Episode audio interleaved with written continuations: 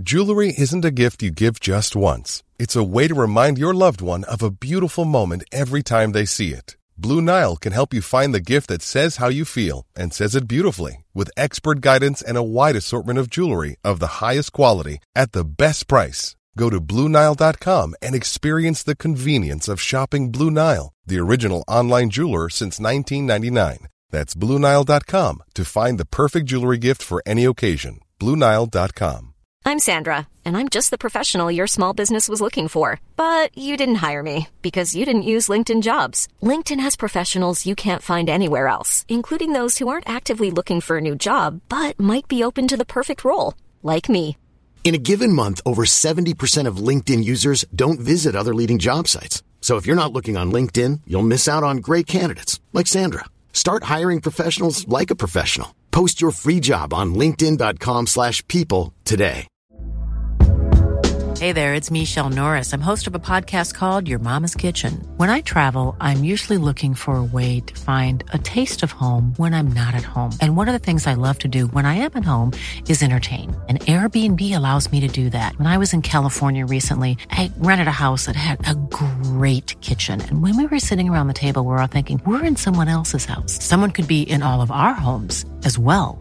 If you have a home, but you're not always at home, you have and Airbnb.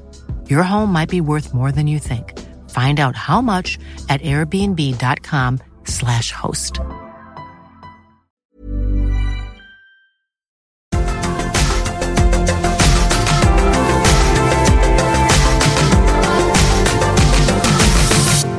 Stort och varmt välkomna till ett nytt avsnitt av FM-podden.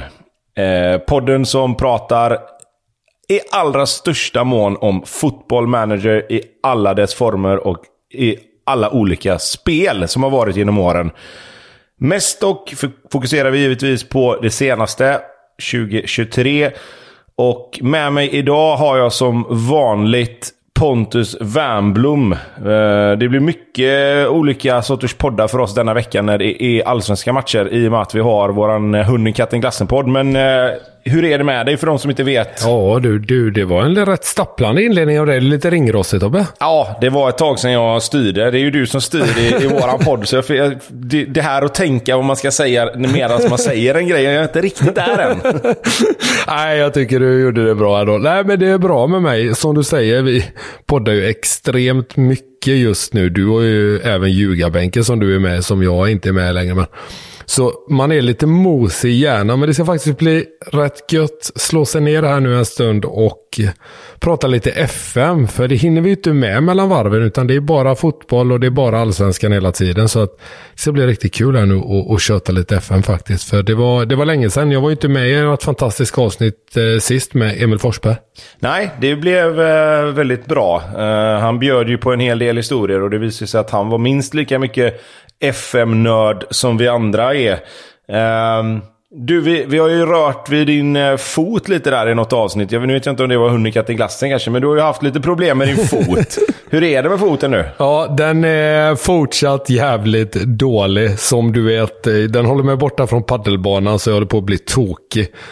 Eh, Så jag får ha hittat andra substitut, eh, till exempel crosstrainer och det är ju så in i helvete tråkigt. Ja, det är väl ingenting man eh, har överanvänt genom åren, ska man ju inte påstå. Hur går det för dig då? Det, ni vann med två åker till slut. Ja, vi fick en, vi- fick en DM-match där som... Den behövdes du. Som behövdes, ja men precis. Eh, ja, nej, det har ju gått, eh, det har ju gått lite troll i det, det får man ju säga. Eh, nu är inte jag sån som, som älskar att att götta mig i, i all statistik och sådär. Men eh, senaste matchen skulle vi väl eh, vunnit om man tittar till statistiken i alla fall.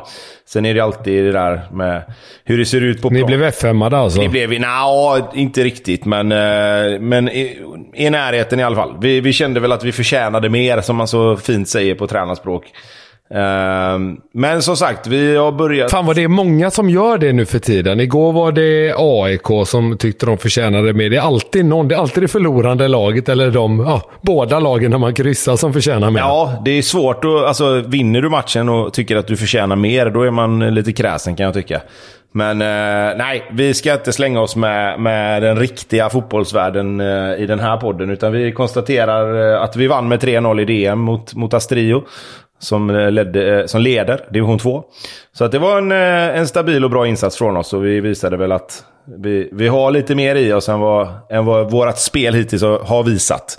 Men skit i det nu. Vi, eh, vi går in i eh, allsvenskan vad jag förstår det. För nu har du eh, kastat Gateshead och tagit över vilka då? Ja, IFK Göteborg. Som ni vet så spelar jag ju bara två saves i princip på varje spel. Varav Gateshead är mitt alltid go-to att starta med. Om vi ska wrap it up där då så slutade det ju faktiskt med att jag blev bäst i världen eh, som manager till slut då. Nagelsmann var jobbig att fånga eftersom att han, ja, dels hade han ju alla sina titlar i Bayern München såklart, men även hade han tagit över Real Madrid.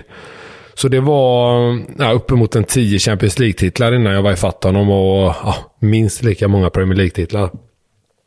Så det var skönt faktiskt till slut då att den saven äntligen tog slut. För det är nog min längsta save, eller det är min längsta save någonsin. Jag tror att det var till 2060 någonting.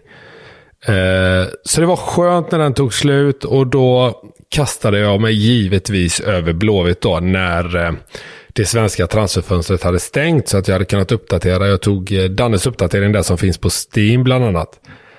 Eh, och kastade in den som, som en ny databas då. Och fick de nya spelarna Eh, som tur var då så fick jag inte de nya resultaten. Eh, för att det gick för... för Blåvitt är ju lite vad Manchester United är i Premier League. De är ju OP-ade deluxe. Eh, många av talangerna blir ju extremt bra. Så första året gick egentligen åt att... Nej men helt enkelt eh, ge talangerna mycket speltid. Karlstrand tog över för Mackan efter ungefär halva säsongen och nu sprutar han ju in mål. Eh, säsong två vann jag, säsong tre vann jag och så är jag på säsong fyra nu. Och nu har man ju börjat få lite kapital och så för jag har även tagit mig till Champions League eh, år tre då. Så pengarna rullar in som de ska. De unga talangerna, många av dem är kvar. Karlstrand är kvar. Eh, en som man måste hålla kvar, som är rätt svår att hålla kvar, det är ju Dahlberg. För han är ju otrolig på spelet måste jag säga. Mm. Tobbe, vi kan väl bolla där lite mellan varandra. Du kan väl, eh, att du gör så att du berättar lite hur det går för dig också. För du är också Blåvitt och så kan vi ju Nej, men kanske hitta lite hur, hur vi har gjort, hur vi har gått tillväga här nu eh, i våra savar. Du är ju tio år framför mig har jag förstått det. Ja, precis. Eh, jag är ju på säsong 2035. Eh, men jag tänker innan jag går in på min save där. Vi, vi pratar ju alltid om att, att Blåvitt är så eh, OP. V vad tror vi att det beror på? Eller, eller är det bara så att vi som spelar att vi som spelare gör det så pass bra med Blåvitt för att vi vet hur vi ska hantera dem och ta dem liksom så snabbt framåt som vi, som vi oftast gör. Alltså, jag upplever liksom inte att är Blåvitt så bra när man är ett annat lag också? Eller är det bara att Blåvitt är så bra för att vi har våra taktiker och sådär? Ja, bra fråga. Jag tror att det kan vara lite som så här att allsvenskan är rätt så jämn. Så det kanske inte är... För jag upplever ju till exempel Elfsborg som väldigt bra också. Nu har jag aldrig spelat med dem. Jag har aldrig spelat med något av de andra allsvenska lagen. Så att det kanske är lika enkelt där. Det får man gärna höra av sig och säga. Malmö fattar man ju liksom att, att de kommer vara bra. Men jag menar typ Elfsborg. Eh, hur är AIK, Bayern och så vidare. För att de flesta lagen har ju ändå ett par talanger. Så spelar man bara dem så blir de ju riktigt bra och så kan man sälja dem så får man en massa pengar och sådär va. För jag tänker att Djurgården, jag tänker att Djurgården borde ju liksom, det, det, måste ju vara det, det måste ju vara det, om man säger inte så, men enklaste laget egentligen att börja med. Med tanke på att du har ju både Lukas Bergvall och Odefalk och liksom brorsan Bergvall där. Och jag menar, där är, du har ju 100-120 miljoner när du vill egentligen där. Ja, precis. Och då är du ju, redan säsong ett är du ju liksom med ett kapital och kan, kan köpa de här spelarna som man sen börjar leta efter. Det var bara en tanke som slog mig att det kanske inte är så att Blåvitt är OP när man spelar med andra lag. Utan det är mer för att man själv alltid är Blåvitt och att det, man tycker att det går ganska, ganska lätt framåt liksom. Ja, men, nej, men det kan nog ligga en poäng i det faktiskt. Eh, det du säger här. Eh, det kanske bara är så enkelt att det är hyfsat enkelt att vara svenska lag för att talangerna bär en rätt snabbt framåt liksom. För att det upplevde jag som första året som sagt visste jag okej, okay, jag kommer inte vinna med det laget och i och med att man inte har någon knappt någon spelarbudget heller för den delen. Så var det liksom bara att ja, men slussa in dem långsamt. Eh, låta Bångsbo få spela varenda match. Eh, Karlstrand som sagt växte in i det och så även lite vet, köpa någon mittfältare. Jag köpte in eh, Luke Leroux bland annat som är riktigt bra på spelet.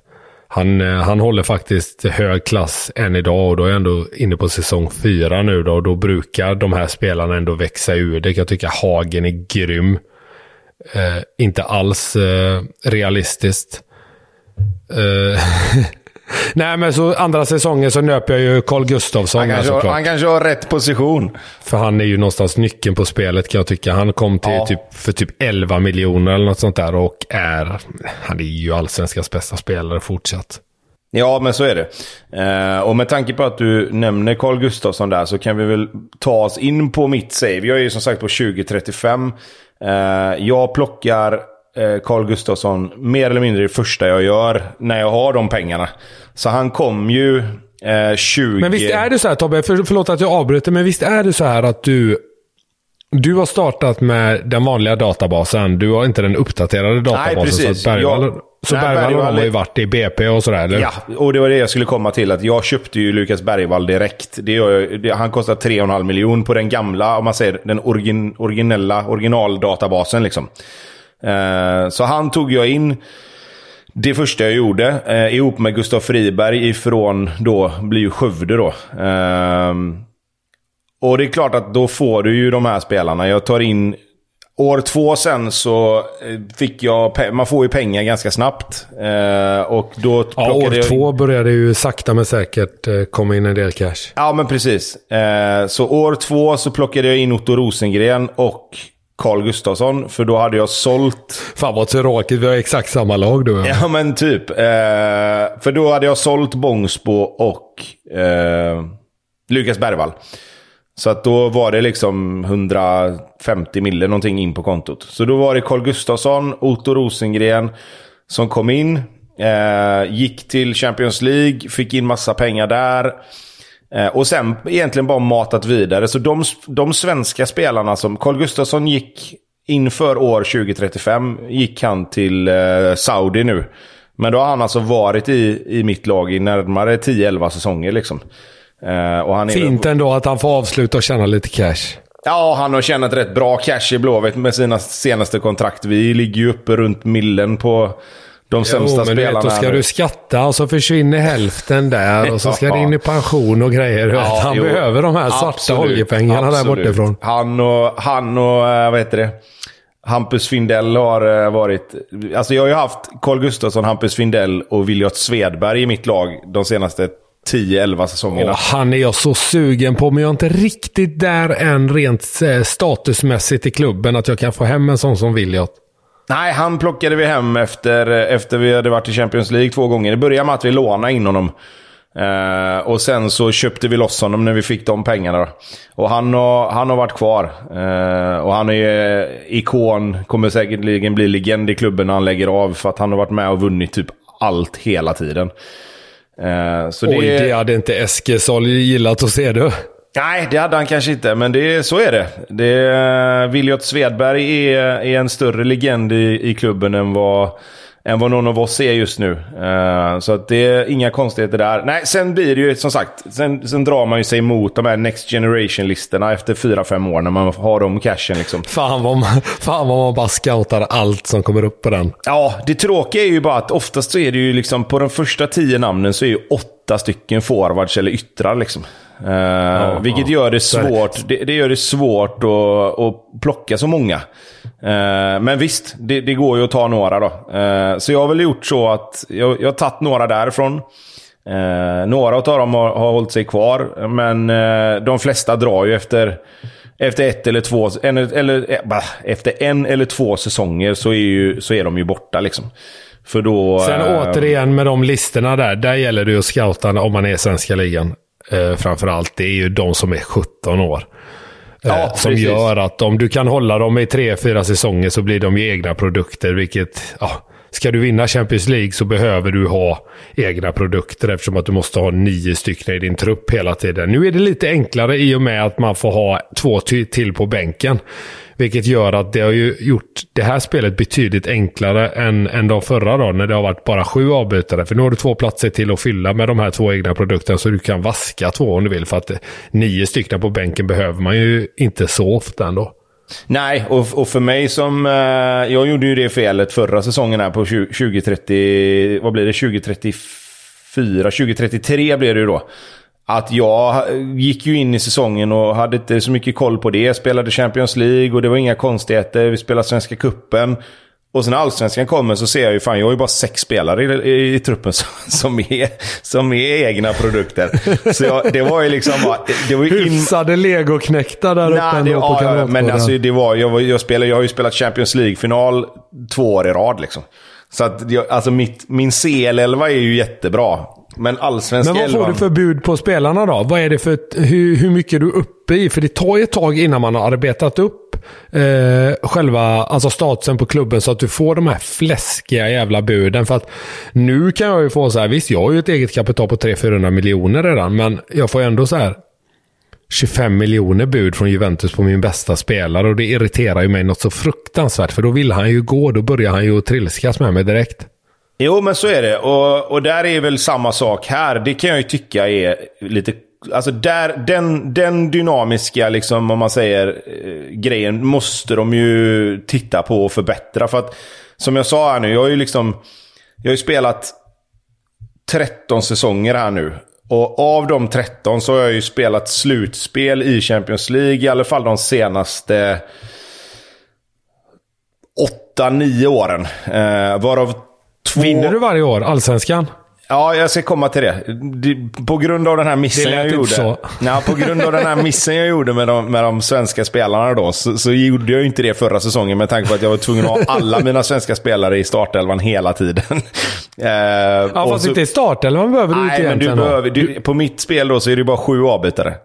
Så att jag får ju ha allt. Jag fick ju plocka upp tre juniorer till varenda allsvensk match innan jag kunde köpa in spelare på sommaren. Och då låg jag ju typ ja, 8, 9, 10 poäng efter. Sen ska jag säga så att eh, jag tror det var AIK som vann. Hade 72 poäng. Så det var liksom inte så att jag var jättedålig. Men visst, det var alldeles för dåligt. Men eh, jag skulle komma till det att... Vad var det? Vad började vi prata om? Nu glömde jag av det bara för att fråga. Ja, sorry, jag glömde med av det. Jag bara ville killa Ja, eller hur? Säg det, mosiga hjärnor. Ja, så är det. Jo, eh, buden på spelarna var ju det vi var inne på. Eh, det som är så tråkigt då, som jag tycker, det är att när jag tittar på, när jag tittar på mina spelare nu, så har jag ju liksom... Ja, då har jag ju liksom spelare som jag har köpt in för, jag vet inte hur många miljoner. Eh, och min bästa spelare då, eh, Manuel Frère, kom från spanska ligan. Köpte in honom när han var vad kan han ha varit? 20 bast kanske. Han var först på den här Next Generation-listan. Tog honom ifrån Real Madrid för 380 miljoner. Eh, han har sedan dess gjort ungefär 30 mål på 40 matcher i Allsvenskan. Han är värd 475 miljoner. Han är alltså... Jag tror han var fyra eller femma över listan på världens bästa spelare. Alltså han är ju uppe på den här andra listan. Då kostar listan. man inte 400 miljoner. Nej, och det är det jag menar att det, det är lite tråkigt. Mina spelare liksom, de, det, det, är ett spann. Det är tre spelare som är värda över 100 miljoner. Och sen är resten mellan, ja men säg 5 miljoner och 100 då. Och då har vi alltså spelare som har spelat Champions League-finaler, som har vunnit ligan mer eller mindre varje år. Och som gör liksom så här, han den här Manuel Frère då, som är värd 475 miljoner. Han har liksom gjort 19 mål på 11 Europa League-matcher här nu. Uh, jag slog i skrivande stund, precis här som vi satt och snackade, så slog jag Sevilla med 7-0 i kvartsfinalen i Europa League på hemmaplan. Vilket inte Men du är Europa League, ska sägas. Ja, det, det var ju det eftersom jag kom tvåa då. Eh, förra året så fick jag ju gå in i Europa League-gruppspelet istället. Eh, men eh, tanken är ju att vinna den såklart. Eh, så att... Nej, men det är lite synd. Lite synd det där. Men för att bara runda av med övergångar och sånt där. Liksom, min allra, liksom, den största transfersumman in som jag har fått någon gång. Det är på 800 miljoner. Då sålde Det är jag min... okej. Den tar man. Ja, 800 miljoner med, med 9, 140 miljoner till då i sådana klausuler kan man säga. Då sålde jag Pavel Vesely, en tjeckisk, tjeckiskt underbarn, eh, till Liverpool. Eh, så att jag, jag, alltså så här, jag får väl en 4, 5, 600 miljoner för mina bästa spelare varje år. Eh, om, jag, om jag säljer den spelaren som är liksom top notch i, i mitt lag.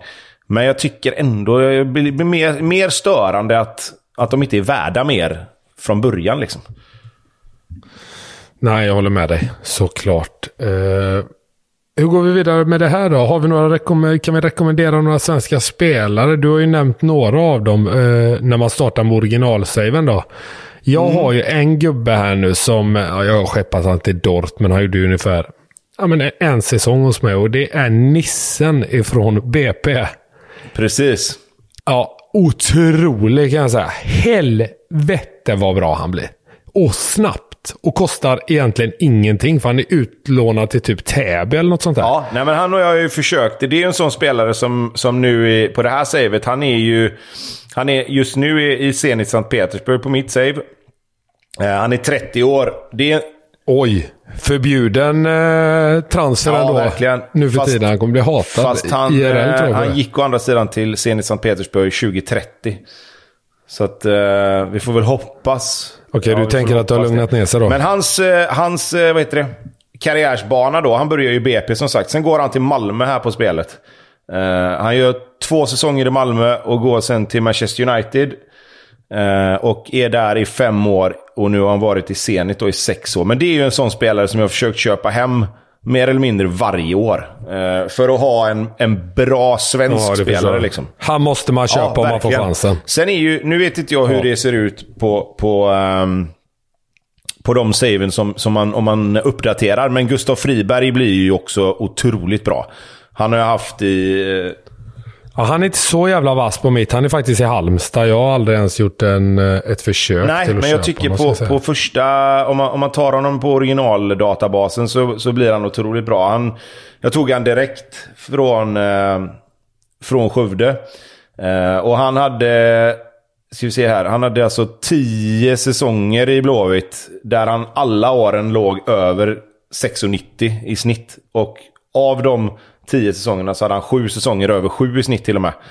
Så att han är, han är otroligt stabil. Eh, kastar ju otroligt långa inkast. Och det är ju fan fascinerande även på spelet att se. Du vet, han kastar ju bollen in i målområdet liksom. Det är ett av de roligaste eh, faktiskt sakerna med spelet tycker jag. När man har en som kan kötta långa inkast. För att när de eh, highlightsen kommer upp så slickar man ju sig bara runt munnen. Ja men verkligen.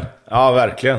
Och, och kontra då i verkligheten kanske det är det absolut värsta jag vet. Jag kollar lite Mjällby, AIK här nu. och Den jävla Alexander Johansson, du vet, det tar ju en kvart innan de har gå- gått ut och kastat de här jävla inkasten. Det och 4-4-2 är två saker jag hatar i verkligheten men älskar på FM. Ja, jo, nej så är det. Ehm, det.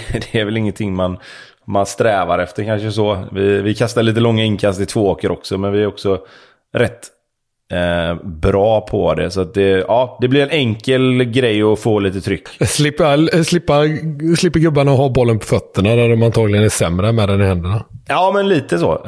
lite så. Nej då. Eh, nej, men tillbaka till svenska spelare. Alltså, nu, nu blir det svårt för mig att liksom... Eh, att titta på, på liksom, för jag, jag kan ju alltså, mer eller mindre värva vilka svenska spelare jag vill. Men jag ska titta på en spelare här som jag tänkte på som är...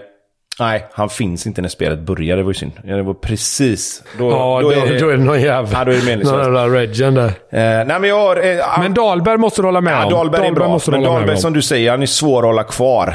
Ja, han, jag har ju fått skriva kontrakt med honom så han har ju en klausul vilket stör mig och den ligger på typ 25 miljoner. Så att han kommer ju att bli utköpt. Däremot så hade jag klart med Leopold Wahlstedt men jag valde att inte ta honom så länge jag har Dahlberg för att Ja, i, I verkligheten nu är han ju faktiskt scoutad av Manchester United läste jag igår. Men Nej, han är ju... Utöver det då, han hade ju kunnat faktiskt vara bättre än Dahlberg, men jag vet inte ens om han går som EP, vilket är eh, ett krav på min målvakt måste jag ja, säga. Ja, med tanke på att jag har kunnat köpa in lite spelare så, eh, så har jag inte behövt göra det. Jag har faktiskt köpt alltså, den bästa målvakten jag kan se och scouta. Så just nu så har jag en, en eh, dansk målvakt som ja, danska landslagsmålvakten egentligen. Som, som står hos mig. 23 år gammal, 41 landskamper.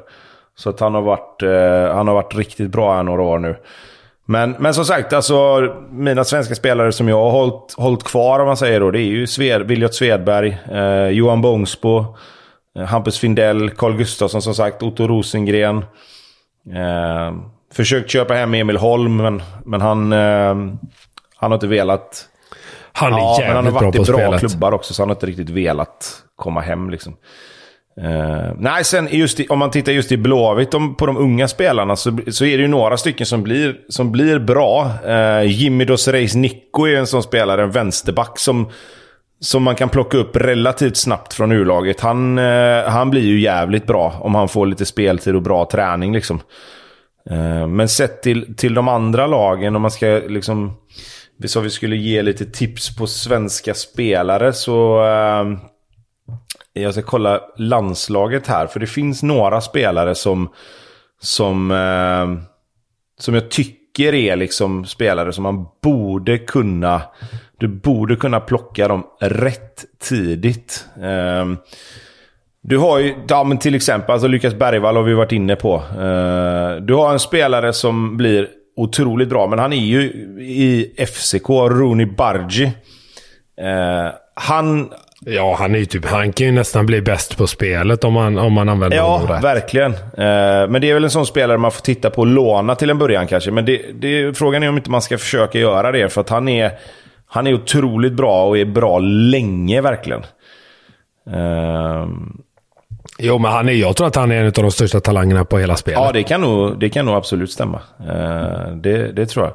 Sen har du Jardel Kanga. Uh, spela, Brommapojkarna ursprungligen är i Bayer Leverkusen. Uh, när spelet börjar. Uh, där är också en spelare som blir jäkligt bra. Uh, högerytter, vänsterytter. Snabb jävel som... det, det, den borde inte vara omöjlig för att om jag tittar på hans statistik och, lag han har varit i så är det liksom Bayer Leverkusen, eh, 1860 München, Wolfsburg. Men med, med rätt träning och rätt liksom, omgivning så blir han också jäkligt bra. Så att där är en spelare som kanske inte många har koll på. Eh, som man borde kunna plocka... Ja, han ska jag kolla upp sen plocka, faktiskt. Beroende på vilken, liksom, vilken formation och så man spelar. Han, ja, han har väl gjort mer väsen ifrån sig i de lägre ligorna, men fortfarande liksom. Han har gjort en 10-15 säsonger där. Eller 10 säsonger eller någonting i alla fall i, i Bundesliga och gjort det bra. Så att, eh, det kan jag, den kan jag rekommendera om man, om man har lite svårt att, att hitta svenska spelare utomlands då, som man vill plocka hem. Ja, men det är bra. Den ska vi titta på. Ja, det får du göra. Nej, sen vad kan man säga mer? Mitt save här. Jag kan eh, bara lite, lite snabbt gå in på, på eh, hur det har gått. Liksom. Jag, sen jag började då så har jag vunnit allsvenskan. Jag tror det är 11 gånger. 1, 2, 3, 4, 5, 6, 7, 8, 9, 10. 11 gånger, ja, precis. Eh, enda slip-upen var ju som sagt förra året då när vi kom tvåa. När vi fick spela tre juniorer där i allsvenskan ett halvår innan vi fick köpt in svenska spelare. Um, varit i final i Champions League två gånger. Vunnit Svenska Kuppen fem gånger. Uh, den är ju rätt... Uh, nej, fem gånger. Nej, här var ju den. Jag kollade på fel radda. Jag tyckte det kändes lite. Ja. Sju gånger har jag vunnit Svenska Kuppen såklart. Uh, varit i final nio gånger. Alltså det, nej, det är liksom, nu är det ju mer att hitta, nu är det mer att hitta en balans där för mig. Eh, i, I vilka spelare jag ska plocka in. Eh, behöver hitta svenska bra, antingen bra unga svenska spelare eller färdiga. Alltså som är, som är så bra att de kan spela även i, i Champions League. Liksom, så, att jag kan, så att jag kan lägga fokus på att plocka in unga de här Next Generation-lirarna och sen göra dem riktigt, riktigt bra liksom. Life is full of awesome what ifs, and some not so much, like unexpected medical costs. That's why United Healthcare provides Health Protector Guard fixed indemnity insurance plans to supplement your primary plan and help manage out of pocket costs. Learn more at uh1.com. There's never been a faster or easier way to start your weight loss journey than with PlushCare.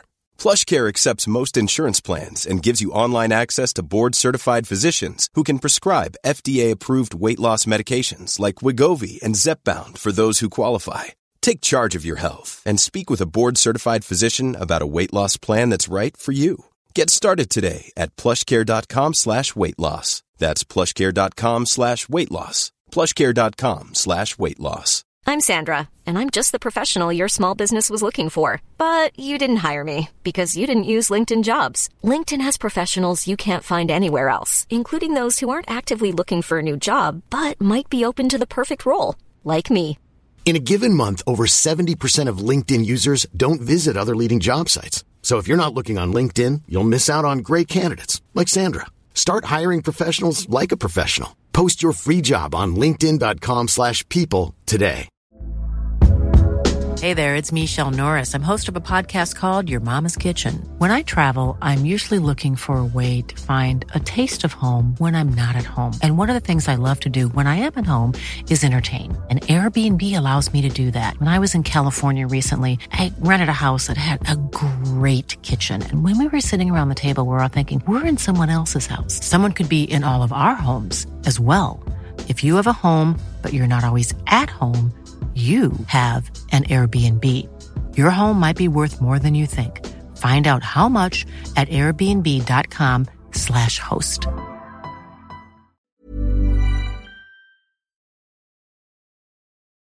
Ska vi gå vidare på och killis, killis oss igenom lite lyssnarfrågor eller, eller vad säger du? Ja, men det kan vi göra. Eh, ska jag plocka fram de här, för vi fick ju faktiskt en del. Eh, så det var ju jäkligt roligt. Det är alltid kul när vi, eh, när vi får en massa frågor. Och vi kan väl gå igenom dem lite snabbt. Eh, Ronny D. Som har det underbara nicket Brakel Spektakel undrar. Bra namn. Ja, det tycker jag. Det var absolut helt rätt att ta honom först, känner jag här nu när jag såg det. Jag undrar över mentorgrupperna och hur era tankar går där. Jag låter alltid min ASS-coach sätta ihop dem och så får jag då och då råd att låta någon eller några spelare byta grupp. Sen efter ett par veckor så blir jag ombe- ombedd att se över dem igen och då ber jag ASS-coachen igen. Och så går det så om och om och om igen. Och det har han ju jävligt rätt i. För det är ju en grej som... Fan vad jag kände igen mig själv. Jag hade kunnat ställa den här frågan för jag gör exakt likadant. Frågan är om man bara ska... Jag vet att Danne håller på med de här mentorgrupperna. Om man bara ska skita i Ja, det. alltså det, det, det rådet som jag har fått eh, av Danne då, det är att du ska ju ha, du ska ju ha alltså positionsbaserat i, i mesta möjliga mån, tror jag.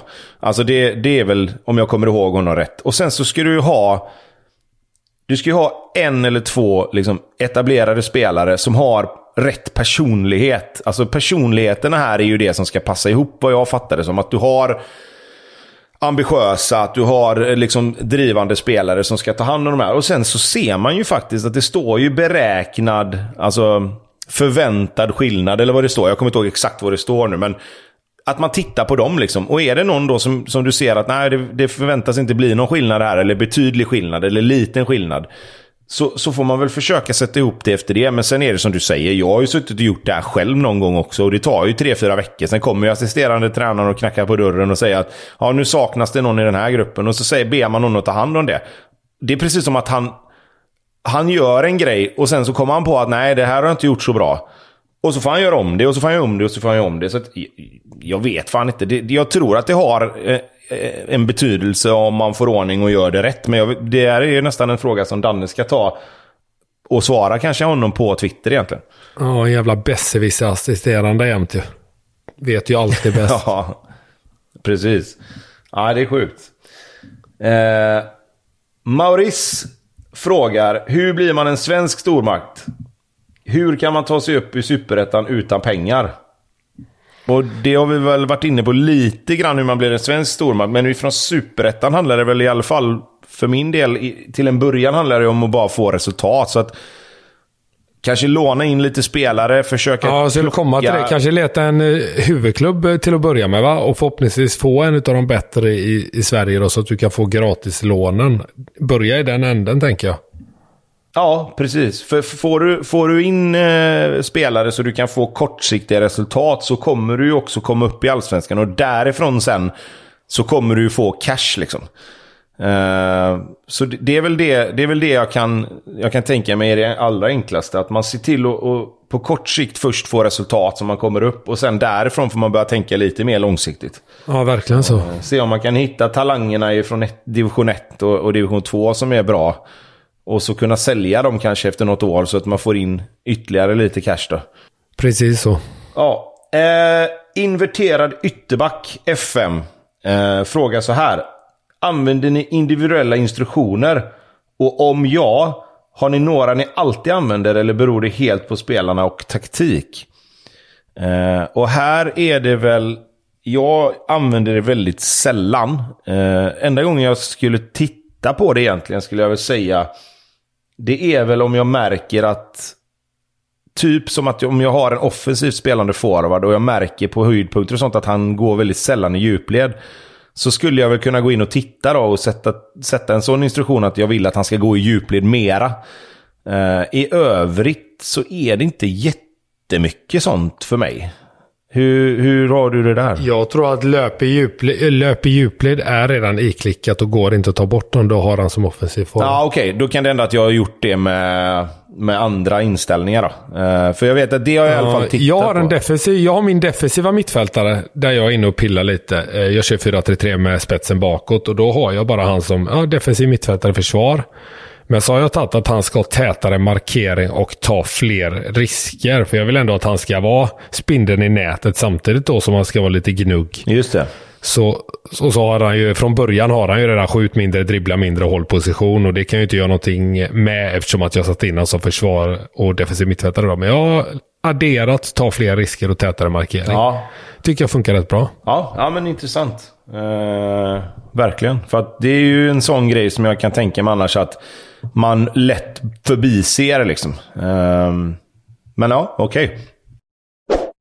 Vi ska gå vidare med frågor och eh, Niklas Johansson som har Viskan som att och nick. Det kan man också tolka på olika sätt. hallänning skulle vi tro va? Det kan det vara. Nu har han i och för sig ett R med också så det blir viskan. Precis som att man viskar. Um, motståndarinstruktioner. Hur jobbar ni med dem? Ska jag vara helt ärlig. Inte alls. Utan det överlåter jag till min besserwisser assisterande faktiskt. Jag orkar inte gå in och pilla i det också. Om jag ska vara... Nej, och det är väl samma här egentligen. Eh, det jobbade jag mer med på, på, på spelen för några år sedan. Det här med att man skulle tackla mera och... Jag håller med, det gjorde jag också. Men det känns som det var lättare då. Då kom det liksom upp motståndarinstruktioner och så kunde man klicka i det man ville ha. Liksom, styr mot sämre fot och, och lite sådana här grejer. Men nu är det länge sedan jag var inne och pillade där. Nästa fråga. Tikka med Sala. Också jävligt fyndigt. Kan jag tycka. Eh, jo, det tycker jag. Har ni har försökt er på att kopiera en riktig taktik från ett verkligt lag någon gång? Och hur har det gått i så fall? Eller kör ni bara det som passar i ett lag in-game? Eh, och här är det väl liksom... Jag skulle säga att det gör jag väl egentligen hela tiden när jag börjar ett save. Att jag försöker hitta en, någon sorts egen taktik. Eh, kanske inte så mycket utifrån vad jag har spelat själv på det sättet. Men jag försöker ju tänka, alltså jag, tänket blir ju att man går utifrån verkligheten, vad man vill ha och hur man vill se. Och så försöker man applicera det på det sättet det går. Men oftast tycker jag att det går så jävla dåligt. Eh, så det slutar med att man lutar sig mot gamla säkra taktiker som man vet har funkat innan. Ja, jag är samma. Jag har, eh, sagt det här innan. Jag har försökt flertalet gånger med de här jävla fembackslinjerna, trebackslinjerna och så vidare. Va? För att man är lite inspirerad av att många spelade på, på riktigt. Och jag tänker att jag ska få till det nej men, i spelet. Men nej, det slutar alltid med att jag kommer tillbaka till 4-4-2 eller 4-3-3 med spetsen bakåt ska sägas. Eftersom att jag aldrig haft en bra bra tia på det sättet jag vill ha det. För jag hade velat ha en som var en offensiv spelfördelare och inte en skugganfallare. Och det har jag aldrig fått till heller på de här men de senaste spelen. Så att nej, jag har mina go-to-grejer och det är där jag brukar hamna trots att jag då har försökt att malla efter andra. Däremot som jag sa med defensiva mittfältaren så vill jag att han ska vara nej men en kreatör fast ändå vara jag vet inte om jag tänkte Adam Kalén i Blåvitt förra matchen. För er som såg det så var han ett monster men även skicklig med bollen. Så det är lite det jag vill komma åt. En, eh, den typen av defensiv mittfältare. Mm, kul att du, kul att du äh, säger Adam Kalén just. För att äh, Marcus Hjalmarsson här frågar Påverkas ni av hur det går för spelare i verkligheten när ni spelar? Jag kör med Blåvitt och efter Adams, Adam Kaléns framfart i verkligheten inser jag att jag helt plötsligt har börjat spela med honom på spelet. Eller kör ni bara utifrån förutsättningarna i spelet? Ja, men jag kan ta den då. Jag gjorde ju exakt som jag sa där. Det var ju därför jag gjorde den rollen till en början då. Eh, för jag ville ha Adam Kalén i den rollen. Men du vet, lite speluppläggare. Eller så, du vet, länken mellan, eh, mellan försvar och anfall egentligen. Bollen ska gå igenom honom hela tiden och det gör den faktiskt när man tittar. Så det är, det är rätt roligt att den fungerar så pass väl ändå. Så det är, jag, har byggt, jag har byggt den därifrån. Eh, med det materialet man har i början då? Ja, och jag tycker att alltså, svaret på frågan för min del här, det blir ju i så fall gör man ju det i början av ett save. Eh, att, man, att man kan påverkas lite, för sen är det ju mycket mer bara titta hur det går för spelarna liksom. Alltså som, som för mig nu, nu är jag ju... Man försöker ju köpa spelare till positionerna sen. Tycker ja, jag men väl, precis. Eller? Ja, men absolut. Och, och, jag menar, som för mig då så blir det ju att... Jag spelar ju liksom med, med en taktik då som som har tre, tre innermittfältare och en, en tia. Liksom. Eh, och då blir det ju så här. Jag, jag vet ju vad jag behöver på de olika positionerna. Så jag tittar ju mer på, på deras egenskaper när jag scoutar. Jag, jag kollar inte så mycket på vad de heter egentligen. Nu är det ju inte så många spelare kvar, men även för några år sedan då, när de flesta spelarna ändå fanns kvar. Så blir det så här, det spelar ingen roll egentligen för mig vad de heter. För jag vet ju vilka, vilka siffror jag behöver ha på vilka egenskaper för att det ska bli bra. Så att jag, möjligtvis i början på ett save att man går lite efter vilka spelare. Typ som Otto Rosengren och Kalle Gustafsson och de här. Då. Men man vet ju oftast, och det är ju det som är fascinerande även på FN, att man vet ju oftast att de som är bra i verkligheten, de är ju också bra på spelet. Och de blir ju också bra på spelet. Jag glömde nämna, ja, jag glömde nämna en spelare här förut som jag, som jag tänkte på. Viktor Eriksson från Värnamo måste man köpa också om man behöver en mittback snabbt. Ja, och, och för mig då som kan ta Anton Eriksson från Norrköping eh, tidigt, ganska, ganska, för ganska billig peng. Han blir också helt otroligt bra. Uh, så de två, absolut, de har jag haft här i mitt, i mitt blåvita save genom åren också. Anton Eriksson lämnade för något år sedan här. Men, uh, men han blir också helt otroligt bra. Bra. Vi har en sista fråga uh, innan vi är klara för idag. Och den kommer ifrån en god vän till mig faktiskt. Marcus Eriksson frågar så här. Vem värvar bäst ungdomar? Teknisk direktör, sportchef eller ansvar för ungdomar? Säg att de har samma siffror. Det borde väl vara den ansvarige, Bra fråga, tänker jag. Där har jag Patrik Klöifert. Eh, just nu. Som eh, ungdomsansvarig. Ja, jag ska kolla här. Fan vet om inte jag har det också. ja, men jag tror att man kan få han. Han är bra också. Det är det som är. Och man kan få han rätt så tidigt. Så han har, han har fina siffror. Ja. så du har säkert honom. Det- jag- om du har gjort jobbet. Ja, men jag ska kolla på det lite här, ska vi se. För att det, det, ja, det låter helt otroligt, men det är nog fan så. Men jag skulle ändå tippa att det är de som gör det bäst. Eller vore det konstigt? Jajamän, ansvarig för ungdomsutveckling. Patrik Ja, Löjvert. du ser. Du, Vad har, han, vad har han för siffror för dig? För här har han arbetat med ungdomar 18, bedöma spelarförmåga 15 och bedöma, spelarpotential 16. Så han är ju riktigt jäkla ja, bra. här har han 18 ungdomar, 15-16, precis samma. Ja, och han hade kunnat vara en grym sak, tränare också 10 år såklart. Och manager för den delen. Och assisterande. Så håll, kolla på Patrik Löjvert. Ja, Patrik Klöver, det är bra. Det får man ändå säga. Jag har ju, jag har ju goa gubbar här liksom. Jag har ju, Hannes Stiller är givetvis kvar som assisterande tränare. Eh, det, han kommer aldrig försvinna. Men sen hjälptränare som jag har då. Robin van Persie, Sami Hyppie, Jonas Knudsen. Han känner sig inte helt hemma i den eh, besättningen du. Nej, Kåker, Atletico Madrid-legenden eh, där. Sen William Lundin, prestationsanalytiker. Jaha. Han är riktigt, riktigt fin på spelet också för att, eh, för att inte vara tränare. Liksom. Så han, han fick bli prestationsanalytiker Men jag slut. tänker på, lunch, på lunchen där när folk ska sitta och snacka. Ska William Lundin sitta och snacka om sina, sina framgångar i Trollhättan då när Sami Hyppie står där? Vem sätter man sig vid lunchmatsalen? Precis. Jag har ändå, jag har ändå Sami Hyppie som anfallstränare och van Persie som försvarstränare. Okej, ja, det, det lät väldigt märkligt. Nej, det har jag givetvis inte. Ja, det har jag givetvis inte. Men vi kommer fram till eh, svaret på frågan var att vi tror att det är ungdomsansvarig som värvar bäst ungdomar i alla fall.